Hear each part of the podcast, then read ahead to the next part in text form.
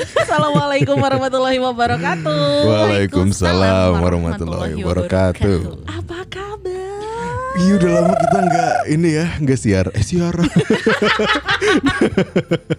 Gue yang kangen siaran, dia yang berasa siaran. Padahal belum pernah siaran seumur Iya, hidup. Kita Ini siaran udah tiga bulan, eh enggak enggak lah ya, sebulan dua bulan lah ya. Dua bulan kayak. Dua bulan. Dua bulan Bo nggak take. Ini gara-gara kita sudah take episode sebanyak mungkin. Betul. Sampai akhirnya nggak ngetek ngetek. Alhamdulillah sehat kalian. Sehat, alhamdulillah. Ini ternyata bukan salah satu dari kita ada yang sibuk, nggak gitu banget. Emang gue aja yang males ngedit. Karena sibuk, karena sibuk ya.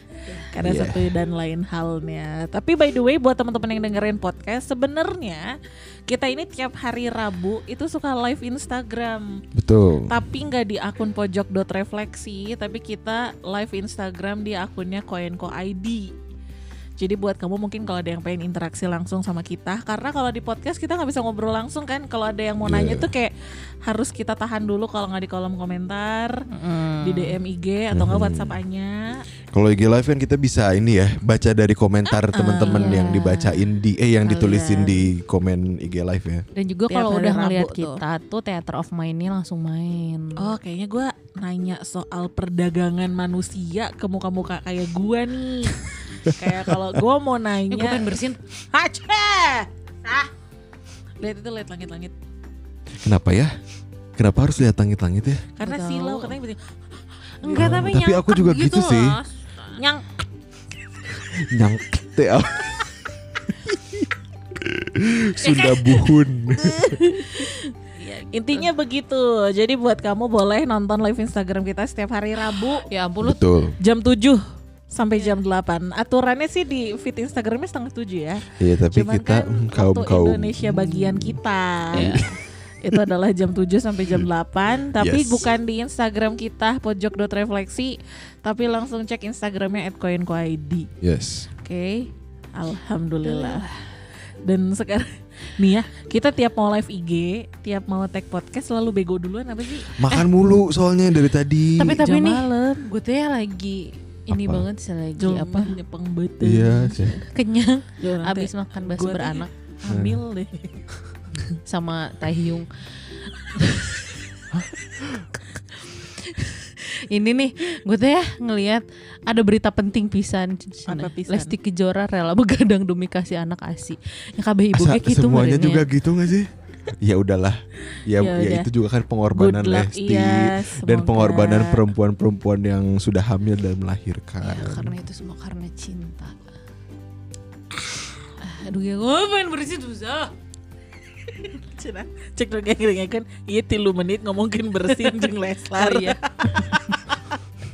Enggak sebenarnya kita sekarang tuh pengen ngomongin karena fenomena yang banyak terjadi sekarang itu adalah orang-orang yang takut kehilangan cintanya sampai akhirnya menjadi budak cinta. Yes. Apalagi di tahun 2022, 2021 akhir dan 2022 awal orang-orang heboh dengan si fenomena layangan, layangan putus. ya. Sampai akhirnya takut banget kehilangan pasangan karena image-nya adalah pelakor di mana-mana. Mhm. Sampai akhirnya banyak orang yang mengorbankan jiwa raga sanubari loh jenawinya itu untuk cintanya. dan gue Hmm. paling sebel dengan statementnya Aris Apa kata dia? Aku mau gimana rasa ini datang tiba-tiba aku nggak bisa nolak anjay. Oh, padahal kan dia udah punya komitmen komitmen ini kan sebagai batas sejauh mana dia bisa mengagumi seseorang jangan sampai akhirnya mengkhianati atau menyakiti pasangannya iya kadang-kadang kalau misalnya lagi jatuh cinta kata katanya kalau cinta tuh bikin buta. Sebetulnya buta logika gitu, buta buta rasional. Jadi pakai Iya. emosi semuanya gitu. Jadi bablas eh. Tapi emang keseringan gitu ya Mi kalau namanya orang udah cinta. Sebenarnya ini kita pernah bahas di live Instagram ya Minggu lalu. minggu lalu. Hmm. Kalau yang namanya cinta itu kadang itu yang Ilme bilang, "Hayo we ngagugulung perasaan sampai dia lupa kalau kenyataannya teh hey, karena mungkin kita ngelihat dari segi sudut penonton kali ya, ngelihat nih orang kok cinta sampai sebegininya, sampai Hmm. akhirnya dia sebegitunya banget. Iya, ini sebetulnya cinta tuh bagian dari emosi. Emosi kita tuh ada sebetulnya banyak banget. Hmm. Itu ada banyak banget. Kalau nggak salah sih ada ratusan ya. Salah satunya adalah Maksudnya cinta. pembagian Ya, emosional. gitu. Karena Oke. cinta eh, emosi itu macam-macam kan ada yang pokoknya tuh ada sedih, marah, takut Ah, oke, gitu ya. oke, oke. Terus eh, terkejut, Ah, ah, jijik itu tuh emosi-emosi dasar. Tapi sebetulnya kalau bisa itu digabung-gabungin itu bisa jadi macam macam banget gitu loh. Kayak di film emosi Inside Out ini. ya. Iya, Ketika gitu. memasuki si Riley-nya usia remaja, tiba-tiba tombolnya jadi ribet.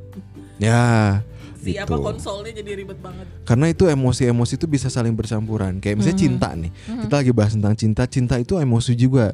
Emosi juga. Ya emosi juga gitu. Eh belibet banget ya habis makan bakso. Jadi agak kurang gitu. Baksonya Eh, beranak pula. iya. Nah, cinta itu sebetulnya gabungan antara rasa senang dan harapan. Oke.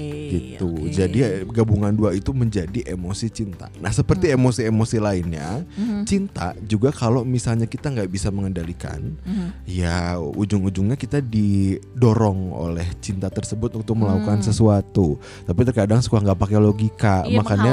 segala cara ya. "Eh-eh," Kalau kata Agnes Monica makan cinta ih wow Pengen joget Bukan dia. Wow. kadang-kadang tak ada logika kan itu kan ya, Ya, emang harus gitu gitu ya. gitu kadang-kadang Untung nggak ada yang lihat ya. Iya untung nggak ada Nggak ada visual. Gak ada ya visualnya ya. tuh Kalau nggak ntar kelihatan banget jelek ya. Gitu. Nah, kalau kita ada yang namanya love at the first sight, sebenarnya kok bisa? Maksudnya kan kalau gue nih ya, setahu gue nih ya, Mi, Hmm. urutan urutan rasa cinta itu dimulai dari suka dulu nih kata gue nih ya. Mm-mm. Suka biasanya kalau suka ABG ABG itu gue kalau orang suka itu ciumnya pipi, nah, gitu Hmm. katanya.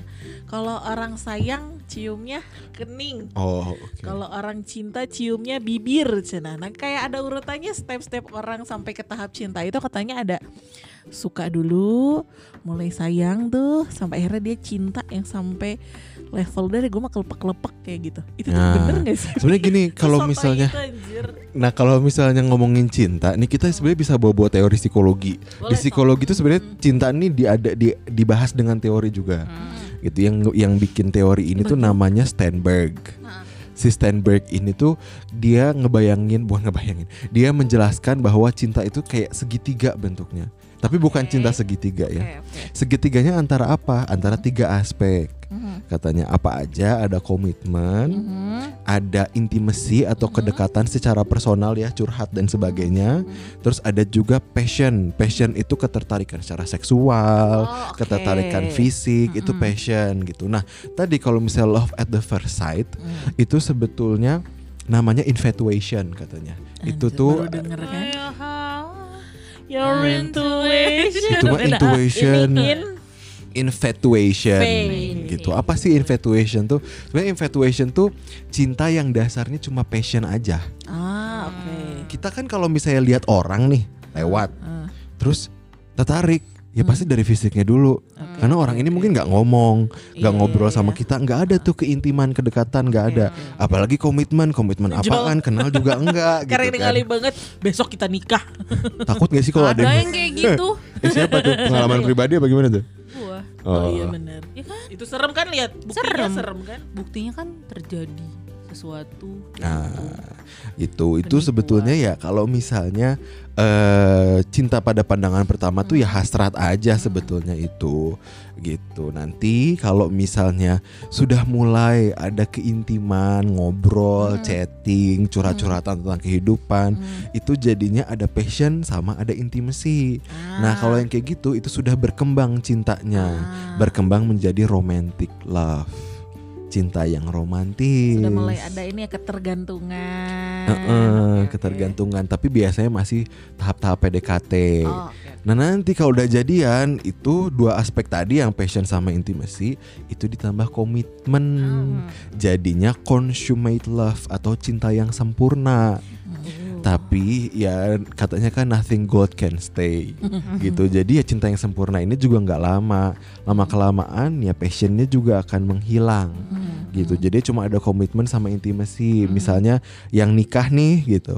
Eh, mungkin sebulan dua bulan hangat, tiga bulan hangat gitu ya masih membara gitu si eh, hasratnya tuh. Tapi lama-lama juga akan menurun kan gitu. Apalagi kalau misalnya udah nenek kakek. Udah tuh lama banget. ha. udah lama banget ya udah tinggal ada intimasi sama uh, komitmen aja nah itu tuh namanya companionate gitu atau ya udah companionate itu artinya kan ya pertemanan tapi uh, pendamping lah Udah mulai gitu. te- butuh teman hidup aja udah kayak teman hidup aja Ah, udah ya. Compan- iya. Companion companionate companionate. Sumpah Gitu. baru tahun ya. Cinta tuh kayak segitiga bermuda ya. ternyata. Mm-mm. Terjebak udah. Tapi tapi ternyata nggak nggak cinta kan nggak melulu indah ya. Mhm. Walaupun emang ya banyak yang ini. Maksudnya nggak memungkiri kalau ternyata cinta itu adalah bentuk indah. Tapi kan ada juga cinta yang tidak harus sesama pasangan, Mhm. tapi juga boleh antar pertemanan. Mm-mm. oke Itu tapi tetap beda jenisnya kan? cinta dalam pertemanan itu hanya ada intimasi saja Oh oke. gitu itu namanya liking jadi kayak kita nih bertiga Kita sahabatan nggak gitu bisa komitmen nih. nggak mau juga sih Serem. Dua. senangnya dalam hati gitu Dua dapat yang jumbo pula. Indomie double. Dobelnya double. gitu itu cuma ada intimasi aja gitu. Ah, namanya liking kayak kita ke sahabat kita ke teman itu tuh liking. Orang tua anak? Gitu orang tua anak. Bentar mikir dulu ya. Kalau orang tua sama anak ada komitmen ada Oh, intimasi iya, tapi bukan romantic love. Dan komitmennya pun komitmen yang di- yang muncul bukan karena persetujuan. Tapi karena kelahiran nggak ada nggak ada orang tua eh kamu setuju ya saya jadi anak eh, kamu Ah, jadi oke, anak oke, saya oke, ya enggak kan oke. orang ya lahir dari orang Oh, tua kalau kayak gitu gue langsung milih jadi anak Hairul Tanjung Sang Juragan Singkong. Eh, atau enggak jadi kakaknya Rafathar lah. Benar. ah iya lah Seumuran jadi adiknya juga nggak apa-apa saya walaupun mukanya tuh Tapi seumuran jeung papana.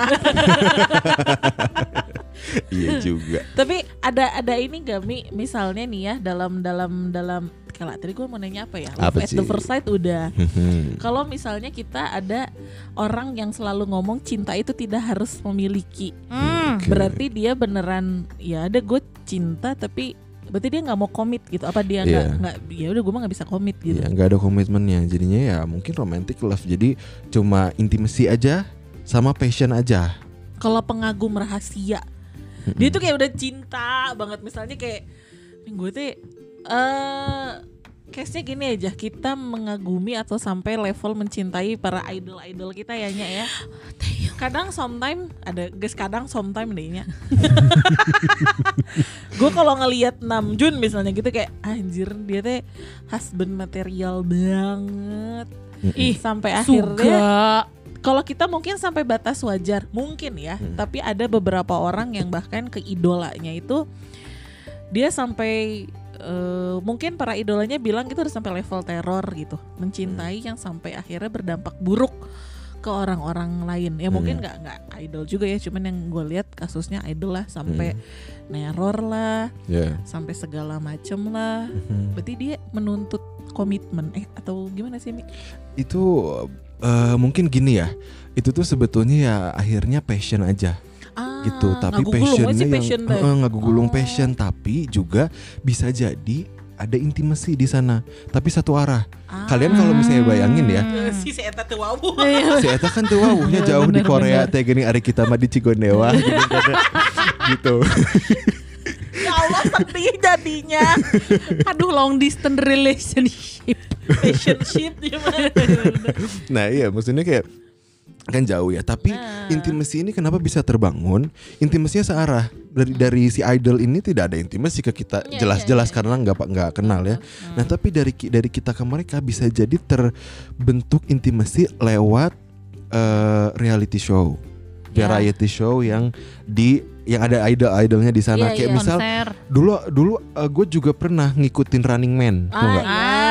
gitu. Nah sebetulnya kalau gue hayati, gue jadinya merasa ada intimate di sana Iya, gitu loh sama variety mereka. show tuh program paling bahaya Karena kayak Karena kita merasa lebih jadi bagian dari mereka kan. Anjir, aing wawuh banget deh. Gua Iya. kenal banget nih sama Namjoon punya habit kayak gini. Padahal mungkin kan enggak. Nah, iya gitu. Iya. Atau ngerasa kayak gue tuh cocok banget sama Suga. Udah Suga tuh cocok banget sama gue. variety show tuh untung di Indonesia kagak ada yang gitu banget. Kebanyakan settingan. Nah, nah bahkan ada loh orang yang saking idolanya sama si idol ini, eh, tapi mungkin dia juga punya eh, gangguan gitu ya. Namanya erotomania. Ah, tuh? Erotomania itu adalah salah satu bentuk psikotik. Psikotik itu gangguan halusinasi, keyakinan Oke, gitu ya. oke. eh kalau erotomania tuh bentuk delusi, delusi itu keyakinan. Hmm. Jadi dia merasa kalau idolnya tuh punya perasaan yang sama sama dia. Nah banyak lagi yang gitu. Banyak yang kayak gitu. Kayak misal eh beberapa kasus di Hollywood itu ada yang sampai ngestalking Hmm, sampai hmm. masuk rumah Mhm. gitu ya terus merasa bahwa si artis itu artis Hollywood itu suka balik sama dia gitu. Mhm, mhm. Ada banyak kasus Banyak kayak banget, gitu. heeh. Gitu. Makanya Celine Dion mah sampai coba diper. Iya gitu Mm-mm. kan makanya kita juga perlu hati-hati gitu jangan sampai kita eh tenggelam dalam fantasi kita tentang idol-idol yang sebetulnya Iya. kita suka gitu Dan di TikTok banyak banget lagi yang bikin kita halu ya. Ada aja gitu para fansnya yang bikin kayak video itu rangkuman dari di variety show yang misalnya ada gestur idolnya melakukan apa sama dia tuh kayak seolah direka adegan kalau dia tuh melakukan hal itu tuh ke kita yang kayak ya kita kan audiens yang nontonnya jadi ikut ke bawah halu ya. Jadi GR. Tapi sebenarnya nih aku pernah nonton eh, ini nih eh He's Just Not Into You. Ah. Netflix.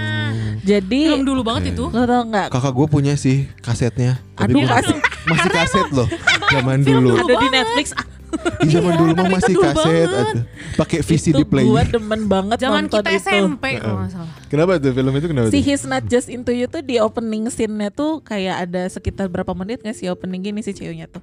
Kalian sadar gak sih kalau kita itu selalu mendapat pembelaan? Jadi kayak misalnya kan cowok tuh suka ngejailin cewek ya kalau Hmm. masih kecil tuh kayak oh lu mah jelek lu. Kadang kalau pembelaan orang tuanya segini dia tuh ngehina kamu karena dia suka sama kamu loh Hmm. Nah itu tuh kayak tertanam sampai tua bahkan sampai ada momen misalnya kenapa ya dia nggak nelpon gue ya? Enggak, itu mah Ah. karena dianya nggak pede aja sama kamu. Nah itu tuh kadang ke ke otak kita tuh gitu kayak, ya, ah kayaknya dia mah nggak gitu dia mah suka deh sama aku. Hmm. Nah sebenarnya nih kalau gue pengen jadi point of view ya mau cewek mau cowok ya. Kadang kita suka mendapat false alarm yang kayak nggak ini mah lu nggak nggak dicintai sama dia anjir. Dia cuman manfaatin lu doang. Nah kita tuh how to get signal gitu loh kayak dapat sinyalnya tuh gimana sih? Kayak contoh teman gua nih. eh kok jarinya nunjuk ke mana Gue baru aja mau bilang kayak itu terjadi deh. Kayaknya contoh temen gue kayak kita sudah mendapat peringatan. Kalau gue mana to the point ya. Kalau kelihatan dia manfaatin gue omongin gitu. Iya. Karena gue belajar dari si He's Not Just Into yang kayak enggak pengalaman lah si Cece kita kayak terlalu enggak dia mah cinta. Padahal kan enggak gitu. Maksud gue tuh kayak how kayak kita biar sinyal yuk wake up yuk. Itu ada ada caranya gak sih Vi? Oke, kita perlu lihat dulu ya sebetulnya keyakinan-keyakinan kayak gitu tuh memang bisa eh, tertanam karena belajar kayak tadi ya, Oke. kayak eh, kata kata nyokap, eh dia tuh kayak gitu ke kamu tuh soalnya kamu dia tuh suka sama kamu loh, gitu. Bisa jadi tuh keyakinannya tertanam gitu. Jadi kalau misalnya ngelihat orang yang kayak gitu, oh pasti orang yang kayak gini, gitu. Oh, oke. Nah, terus gimana caranya ya? Kita perlu lihat dari point of view orang-orang lain yang mungkin dibesarkan berbeda dengan kita. Siapa tahu pandangan dia lebih logis dan lebih rasional dan lebih logik gitu. Hmm. Eh, Kuat bareng. Hmm, karena bisa jadi kita terjebak dalam fantasi kita. Gitu. Seringkali orang jatuh cinta tuh terjebak terjebak sama fantasi sendiri. dengerin kalian. Karena kan punya keyakinan tersendiri ya, kayak Mhm. misalnya sebenarnya si cowok itu tuh nggak naksir, tapi lu tuh selalu mencari validasi. Enggak Ah. kok cowok itu naksir gue, padahal teh enggak. Mm-mm. kadang, Kadang tuh ada orangnya. gesturnya gestur cowok yang menurut si cowok itu biasa aja tapi keterima ceweknya dia ngambilin minum gue padahal mah yang gak sesuai sama manner we gitu Iya. Iya, terus kan ada juga ya cowok-cowok yang memang charming gitu ya. Eh, ya nggak sih gitu terus kadang-kadang ya salah nangkepnya gitu iya. jadinya yang bisa dilakukan adalah kita pelajari juga dari teman-temannya misalnya gitu kalau misalnya kita punya ko- koneksi sama temennya kita cari tahu aja gitu It's sebenarnya okay kita gimana. circle dia. ya nggak apa-apa itu okay. gunanya curhat itu gunanya Ah, curhat sebenarnya curhat see, itu see, akan see. memberikan kita point of view yang lain jadi eh ya me- memang curhat juga kita perlu hati-hati ya Iya, iya, cuma boleh-boleh. eh jangan sampai kita terlalu gampang sensitif gitu ya. Kadang-kadang Hmm. juga apa yang disampaikan orang lain walaupun pahit gitu. Tapi jangan-jangan itu tuh bener Iya. gitu. Terus juga kebanyakan Bener, tuh bener, bener. orang-orang yang jatuh cinta kebiasaannya adalah mencari validasi. Jadi Iya. curhatnya teh dipilih gitu. Ah, suka ada Tahu gitu juga kenapa? Mi. Kenapa? Kenapa? Balik lagi karena cinta adalah dua kombinasi dari rasa senang dan Oh, harapan. Dia pengen Jadi harapan Dia dia. ingin memenuhi harapan yang menyenangkan. Ya makanya yang dicarinya adalah eh Pantes gak pernah ada yang curhat sama gue. gitu karena Tapi gue beneran seneng banget kalau curhat sama Cio ah gimana tuh? karena dia ngebangunin logika aing. Nah, Ayo bangunin logika. Anya, mana? Kop.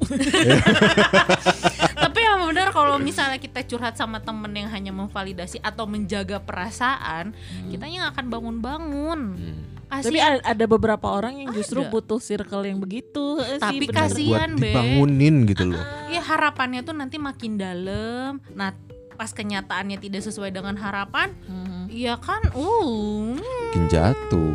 Terus gue gini giliran Ah, nangis ke aku gue. Terjatuh. Aku terjatuh. Ih gue kenapa suka Charlie Gue banget juga ya? jadi suka Charlie loh. Iya BTW Cio baru ketemu Charlie soalnya. Iya, eh tapi gue jadi suka Charlie. Tuh kan. Sopan banget. Charlie Saya juga. itu mah idola saya waktu SMP sih. Sampai ada kan? satu album di MP4. Sudah Zaman ku dulu kan ya. bilang hapus air Aku pastikan saja di hatimu. Tah tinggal Kawanku korbankan kuningin semua. esok. Ya, pojok refleksi kompak semuanya id- mengidolakan Ya. Charlie. Besok kita Charlie bete semuanya ya belah tengah. Ih enggak sekarang udah nggak belah tengah. Dibikin terusan Suez tadi. Garis katulistiwa udah yuk. Jadi kita move dari Charlie yuk. Iya, iya, iya, Dari coba. Charlie Van Houten. Balik lagi ke orang-orang yang sering memilih milih teman untuk mencari validasi atau menjaga perasaannya ketika mencintai orang lain. Itu berbahaya karena ternyata gue belajar mencintai itu juga harus pakai logika. Ya Tuh, dong. belajar dari mananya? pengalaman. Kalau kalau gue tau kenapa ya Mia? Kadang ada orang pernah ngomong ini cinta tuh tanpa syarat. Kalau gue mah tetap cinta butuh syarat. Ya, iya tapi bener Karena kalau nggak butuh syarat yuk nikah yuk cobain gerak baru kerasa ya. Butuh syarat karena untuk bertahan gitu. Kalau nggak butuh syarat kayak iwaduk Nah ini juga kadang-kadang kita terjebak dengan fantasi kita bahwa dia akan berubah ketika menikah. Nah nah Mi itu Mi. Kepercayaan itu Mi. Coba Mi. Bohong. Kepercayaan itu kayak Kayaknya dia kalau sama aku akan berubah. Nah. Nggak. Teman-teman bayangkan logikanya seperti ini ya. Ketika kalian sudah menikah, kalian akan menjadi milik pasangan. hmm, Paling tidak di pikiran pasangan seperti itu. Oke gitu. Walaupun sebetulnya tidak demikian, kalian adalah milik diri kalian sendiri. Yep. Sebetulnya cuma biasanya pasangan jadi merasa bahwa kalian tuh hak milik mereka. Oke Kalau misalnya sebelum pacaran, Hmm. pas lagi pacaran aja, Hmm. udah selingkuh berkali-kali, melakukan boy. kekerasan fisik Hmm. dan verbal, bayangkan itu kalian belum jadi milik mereka.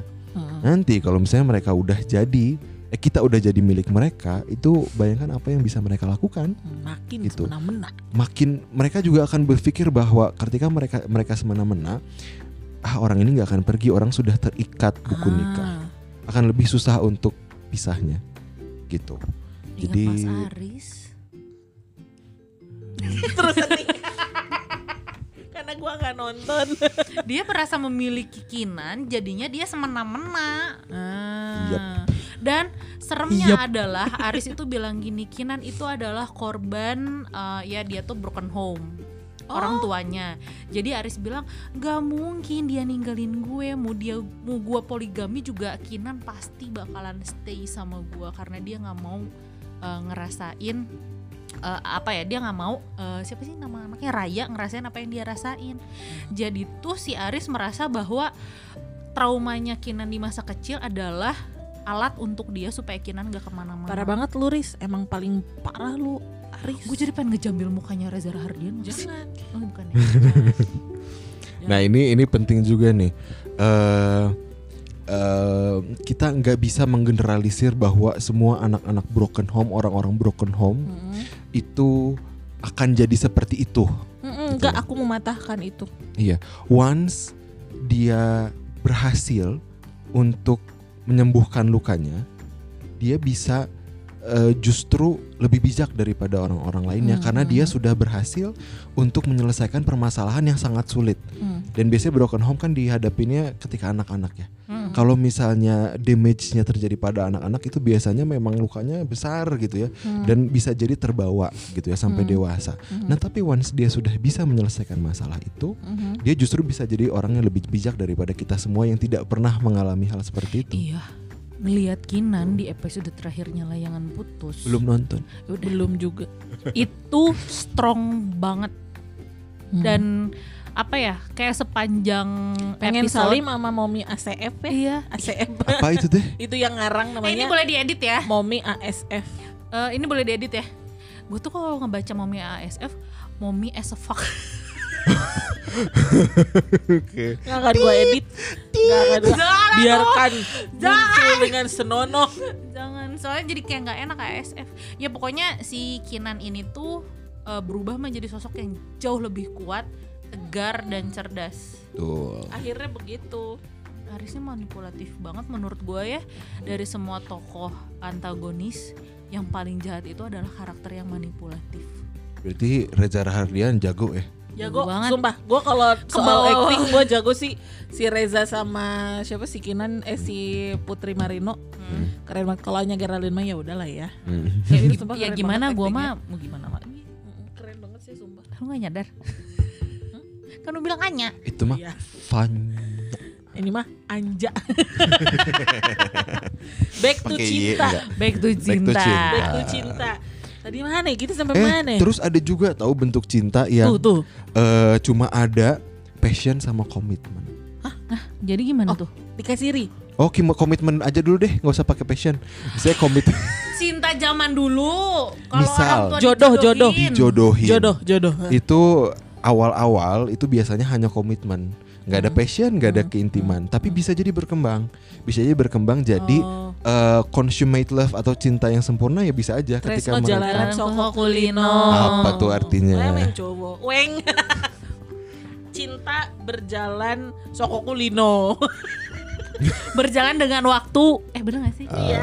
ya itu Cinta bisa jadi terjadi ketika Oh iya, cocok. Tapi kalau belum tentu kan kalau nggak cocok ya bisa jadi ya nggak cocok aja seumur hidup bisa jadi gitu. Tapi ada juga misal eh, kalau yang sama ko- sama passion gitu ya, Hmm, passion komitmen kawin kontrak hmm. misalnya gitu kawin kontrak yang Oh, oke. katanya ada misalnya eh, di satu daerah di Indonesia Iya, iya, iya. suka ada kawin kontrak Kontrak. Katanya ya Hmm, gitu. Nah mungkin orang luar negeri nikahin orang pribumi Ah, misalnya ah. gitu. Ya. Ya mereka berhubungan seks berhubungan seks Hmm. gitu, tapi nggak ada keintiman. Bahkan eh, di beberapa kasus kemarin kan ada yang sampai dibakar ya seru si eh, istrinya, Istrinya. gitu. Atau mungkin itu ada keintiman tapi keintimannya salah gitu. Soalnya kalau dilihat dari karakter orang luar negerinya, Mm. emang kan ada beberapa juga yang apa ya emosion emosinya tuh nggak terkontrol gitu loh. Berarti Emosi kalau- orang luar dan Indonesia beda kali ya. terutama orang luar yang dari sana lah. Hmm. Itu sana ngeri tuh. sih. Oh, ya sana lah. Sebenarnya siap eh, yang emosional tuh bisa siapa aja sih. Orang Indonesia Iya, pun iya, bisa bisa. emosional Banyak sampai. Iya kemarin ada mas. eh, Serem banget itu yang ngebakar. Iya yang eh, pacarnya tuh nggak yang Yang lulusan anak UI Heeh. terus eh isti eh, pacarnya tuh dibakar Oh, di depan iya, eh, eh, kosan itu, itu, heeh. itu aduh Aku belum baca lengkapnya itu gara-gara cemburu ya. Aku nggak tahu aku denger. pun belum Ada, belum ada. belum tahu motifnya apa Aku cuma lihat di info Jabar. ya dibakar sama pacarnya Eh. itu padahal katanya sih si eh, anak ini tuh mau lanjut S2 katanya gitu Ya Allah kesian. Pasti ada ada sesuatu yang menumpuk sih menurut gue cowoknya. Kali ya. ya Nah, bisa Iya, jadi Ada yang numpuk, ah, jealous kah atau memang merasa sangat apa merasa memiliki banget Mhm. mungkin cemburu jadinya kayak gitu kan siapa tahu Kalau ini Mi, kita back to cinta lagi ya. yes gue selalu mendengar yang namanya cinta lama belum kelar. Hmm, CLBK. Gue pengen ngomongnya CLBK cinta lama bersemi kembali, tapi faktanya emang perasaannya aja yang belum kelar. Nah itu gimana Mi? Aduh gue semangat. Kayak sebenarnya dia udah komit dengan orang lain dan dia cinta. Mm-mm. Intinya dia tiba-tiba mencintai dua orang yang berbeda. Tapi Satu masa depan dia dan masa lalu dia. Ya, dengan suasana hati yang berbeda. Itu teman saya lah. Ada. Cinta lama apa tadi? Belum kelar. Ah. Iya, balik lagi cinta Belum itu adalah kayaknya Dese. Mm-mm. Balik lagi cinta itu kan gabungan antara joy, kesenangan dan harapan. Ah.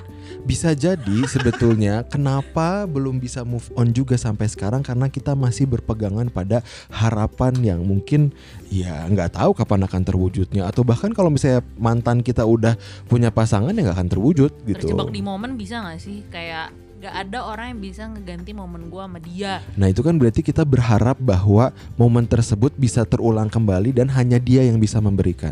Itu cinta lama ya belum kelar gitu Hmm. karena kita masih punya persepsi bahwa kita harus bergantung pada orang tersebut supaya harapan kita terpenuhi. Gimana cara kelarinnya?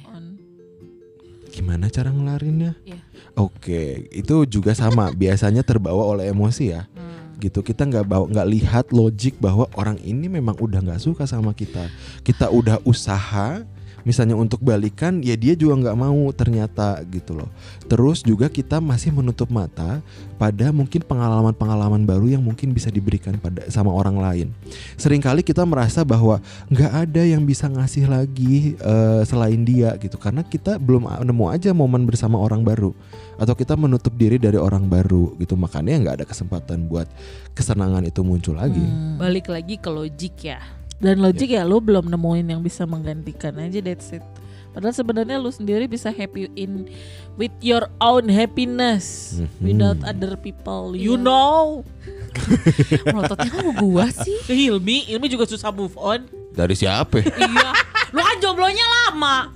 Emang jomblo ya Hilmi? tahu dari mana Tuh kan. Kalau misalnya nih Mi dalam Teng-teng. hubungan pacaran ya, Nah, banyak kasusnya kayak gini. Lu nggak apa-apa nih kita nanya-nanyain soal si percintaan ini. ya nggak apa-apa lah salah satu kajian psikologi kok Oh ini bener. Mereka tuh Dokter saling cinta. mencintai, Mhm. tapi tidak direstui. Aduh. Karena perbedaan agama, entah adat budaya atau suku lah. Perbedaan dipahami. gender. Perbedaan Persamaan gender. persamaan gender. maksudnya. Hah? Persamaan. persamaan jenis kelamin mungkin ya. Eh, iya. Ya, ya kita bahas apa sih? Iya Oh, kan ya. cinta. Iya, intinya cinta, tapi intinya nggak bisa untuk ke step komit. Hmm. Sampai akhirnya mereka ya entah dijodohkan dengan siapa entah dijodohkan terus kayak mereka masih Oh. suka diam-diam ketemu atau mungkin ya udah yang pasti kita udah sat- satu sama lain udah gua malu udah tau ya kita saling sayang tapi komit kita cuman sampai di sini tapi that's it sayang kita tetap ada nggak apa-apa tapi komitnya kita sudahi sampai di sini. Hmm. oh sedih ada yang curhat gue kayak gitu kayak kesian gitu. Dan akhirnya dia dijodohin sama siapa? Si cowoknya dijodohin. Nggak dijodohin si cowoknya mah ting ke mana? Ih, kebayang sakit banget. nah itu sebetulnya eh, konsekuensi iya ya kita menjadi warga negara Indonesia. Iya kita ya lahir di Indonesia dengan eh, adat di mana pernikahan adalah menyatukan dua keluarga bukan dua orang manusia. Iya iya bener gitu sehingga ya kepercayaan keluarga nilai-nilai keluarga itu harus jadi salah satu pertimbangan Mhm. eh, untuk menikah. Mhm. jangan nangisnya. Gitu. Gak suka gue tuh sama yang kayak gitu karena ya menurut gue mah gini. Kan yang ngejalanin gue ya. Mhm. Kenapa lu yang repot? Kan yang yang sekasur berdua gua sama laki gua yang ngejalanin hidup bayar listrik sama beli gas gua sama laki gua. Kan keluarga juga kagak ununan nama hidup gua gitu loh maksudnya balik lagi sebetulnya balik lagi sebetulnya orang tua kita juga punya insecurity tentang kehidupan kita Yep. mau gimana pun gitu ya eh, kebanyakan orang tua itu menyayangi anaknya Mhm. biasanya mereka insecure kalau anaknya tidak baik-baik saja ketika Mhm. mereka merasa bahwa anaknya eh, bersama dengan orang yang tidak tepat Mhm. misal beda agama Mhm. orang tuanya akan insecure gimana nanti akhlak anak saya Nah. gimana nanti sur apa eh, eh, kehidupan setelah kematian anak saya Ya. misalnya gitu atau beda keyakinan aduh kalau beda keyakinan gini nanti bakal sering berantem gak ya Mhm. kalau nggak sama-sama eh, sukunya A misalnya gitu. Mhm. Nanti bakal sering berantem nggak ya? Sebetulnya itu mungkin em, eh, ininya eh, eh, ke kecemasan keluarga. Terus juga ada beberapa adat di Indonesia yang em, keberhargaan diri keluarga itu juga dikaitkan dengan eh ke kete- eh, keterusan bukan keterusan apa ya? Turunan. Jadi eh, marganya itu harus terus Oh ya. Oh terjaga. iya iya iya. Iya, iya, gitu. Ketika dia menikah dengan marga yang tidak tepat, Mhm. Sama kayak Arab. Mungkin sama-sama sukunya sama gitu ya. Atau Kayak bahkan kasta di apa di Bali itu yang harus kasta Nah Sakose ya sama kasta gitu. Brahmana, ada kesatria, Ah, ada Waisya, ada Sudra, ada Paria Ah. gitu. Ih, Mereka kan nggak kasta. boleh. Kan Jawa sama Sunda cowok misalnya cowok cowoknya eh Sunda, ceweknya Jawa nggak boleh katanya. gitu. Nah iya gitu sebetulnya kalau itu perbedaan suku kalau Jawa iya. sama Sunda. Tapi juga ada perbedaan kasta kayak di Bali misalnya gitu. Atau perbedaan marga kayak di Batak Hmm. Oh, kayak iya. gitu. Dan di Oh. Batak juga ada Iya, nanti iya. bahas itu ya bahas value tapi ada Hagabeon, Sangabun apa segala macam gitu ya. Iya, itu iya, iya. Mhm. berpengaruh Si gitu. Manjuntak sama si Manjuntak lagi mestinya. Ya gitu. Makanya ini juga sesuatu yang penting untuk dipertimbangkan ketika mau menikah tidak hanya cinta Mhm. tapi juga restu orang tua gitu. Iya sih, aku ada kayak kerabat dekat keluarga gitu. Beliau tuh Batak. Ini sorry ya kalau misalnya gue salah. Jadi eh, apa namanya dia itu si Manjuntak. Hmm. Dia tuh ada eh, Hmm. cewek Betawi lah yang deket sama dia. Tapi tuh akhirnya dia memaksakan untuk putus dan akhirnya nurut sama orang tuanya. Ya dijodohin sama si Manjuntak lagi gitu. Tapi kalau misalnya nih akhirnya tahu contoh dari dari saudaranya Anya misalnya Kerabat-kerabat. kerabat Anya sampai akhirnya ya udah dia nikah sesuai yang diperintahkan orang tuanya. Tapi someday ketika dia berhubungan bukan berhubungan badan ya maksudnya dia dengan pasangannya kala itu tuh ya gimana hati dia tuh masih dengan mantannya ya itu dia dia kayak masih ada harapan gitu nggak sih maksudnya Mm-mm. atau ya udah aja karena Anya bilang belum ada orang yang bisa menggantikan momen itu bisa Nah, jadi ya Bisa jadi gitu. Mungkin Kasian ya. tadi eh, intimasinya tidak terjalin.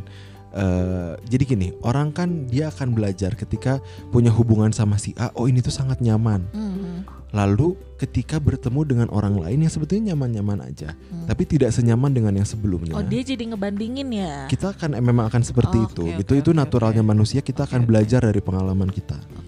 Gitu katanya kan memang tidak boleh membandingkan dengan pasangan Hmm. yang sebelumnya dan sebagainya itu kalau diucapkan tapi Hmm. kalau misalnya di pikiran ya kita juga sulit untuk mengendalikan Iya, itu ya sering kali yang muncul-muncul aja Mhm. gitu nah itu mungkin eh, momen di mana kita pada akhirnya membandingkan apa yang di hadapan kita dengan pengalaman kita sebelumnya. Gitu itu mungkin terjadi ya berarti mungkin ya intimasinya perlu dibangun gimana caranya ya gitu Mhm. tapi kalau misalnya terus terusan memang nggak bisa dibangun Mhm. ya mungkin kita eh, em, apa ya bersama dengan pasangan yang memang tidak tepat buat kita Serem sih. Kalau Serem. ngomongin jodoh, pernikahan gitu. Iya kadang kan suka dibalikin gini sama orang tua Kamu tuh kayak yang bakalan dia aja jodoh kamu Pacaran lama-lama Udah tau beda agama Kayak yang yakin aja kalau dia jodoh kamu. Kan suka gitu ya kadang orang Hmm. tua ya. Hmm. ya Udah nurut sama orang tua segala macam Kesian juga bahkan ada beberapa temen aku juga yang sampai akhirnya dia memilih buat convert agama. Setelah pacarannya tuh sampai berbelas-belas tahun gitu karena ada emang semua bisa. Karena dua dua keluarganya saling pakai kekeh dengan kepercayaannya. Sampai Mm-mm. akhirnya ngalah salah satu convert salah satu tapi teh jadinya teh convert pun jadi yang gak sesuai sama syarat weh gitu. Mm-mm. ya bisa jadi kayak gitu. Cinta ya. Maksudnya gue pikir adalah kegilaan cinta itu hanya berlangsung ketika di awal aja. Lo lagi jatuh cinta. Tapi yang namanya orang kalau tadi Umi bilang udah ada mulai komitnya udah mulai ada passionnya udah ada intimasinya iya dia akan melakukan segala cara ya. Mm. even dia berpindah ben convert agama sekalipun bertemu dengan orang yang chemistry-nya pas tuh nggak gampang loh Ih, susah. Bari ngagoromel teh. Ih, susah. Iya, emang susah karena apa ya? Kalau misalnya nanti tuh kalau nikah itu bukan soal dia itu cantik atau ganteng, Enggak, Bu, tapi enggak. frekuensi Sumpah, nanti enggak. akan bermain. Yang kita bertahan tuh ngobrol. adalah sefrekuensi. Kan buat ngobrol masa tua kan masa sih. Nah, makanya ini kan Steinberg ya, teorinya Steinberg. Tuh? Dia hanya memasukkan eh, komitmen, intimacy dan passion. Hmm. Balik lagi kita juga harus sesuaikan dengan konteks. Hmm. Memang tiga hal itu yang mungkin perlu kita pupuk gitu ya dalam Hmm, satu hmm, hubungan. Tapi kalau di Indonesia nggak bisa cuma itu. Kita juga Hmm. perlu lihat value satu sama lain dan juga keyakinan satu sama lain. Gitu. Iya. Jadi itu juga perlu ditambahkan dalam mempertimbangkan hubungan. Nikah mau bule aja. Ya boleh-boleh aja sih, nggak Ya, masalah ya, juga. Sama bule ya boleh-boleh aja sih. Makanya gue sehebat itu aja sama orang yang eh apa ya? Udah mah tinggal di Indonesia, udah mah digabolehin sama agama. Buat teman-teman yang emang gue bukannya mendukung LGBTQ ya, cuman gue kayak lu kayak sejagoan itu ya survive di perasaan lu yang lu mau dibawa ke mana bu arah arah cinta ini aneh Hmm. Ya memang kalau misalnya bahas tentang LGBTQ itu akan beda beda lagi Beda gitu. lagi itu kan akan ya, jadi Mi? salah satu kegundahan mereka. Hubungan ini akan dibawa sampai mana? Terus eh, nggak ada momen di mana mereka bisa betul-betul mengikat lewat pernikahan Hmm. gitu. Jadi Udah, weh, rentan gitu. juga terhadap perselingkuhan misalnya Oh, iya, gitu karena benar-benar. ketika berantem mungkin ya nggak ada pengikat tadi gitu. Kasian tuh. Rumit ya menjadi orang dewasa. jadi manusia itu susah loh ya kadang-kadang gue juga mikir kenapa gue Takut nggak jadi jadi- pohon Ah, gitu ya jadi rumput-rumput ilalang yang bergoyang Panjang umur tinggal pokoknya. ditanya sama Ebit GAD jawab gitu kan Kenapa gue gak jadi pohon beringin gitu yang menuduhi banyak orang? Ih, nanti Serem baik. Iya ih, serem ih. ah, Gaulnya main sama celep. iya ih. kreken aja gitu biar jadi misteri dunia. Asik. Itulah cinta ya teman-teman ya. Semoga kamu bisa mengambil hikmahnya. Amin. Kita nanti next mungkin ada obrolan karena di setelah cinta itu ada cinta yang berlebihan bucin tadi kita Bucin, belum kita akan bahas. bahas bucin Kalau cinta yang berlebihan jadi toksik juga kayak tadi kita sempet eh, simak dikit soal ada Bayangan. mahasiswa yang di, oh dibakar kan itu Ya. level toksik manipulatif. Wah, Mas Aris. Layangan putus tadi bahas. Banyak ya ternyata cabang-cabang dari cinta, cinta ya. tuh akan selalu seru untuk diceritakan untuk didiskusikan karena cinta itu adalah sesuatu yang sangat erat dengan kehidupan kita Iya. Udah.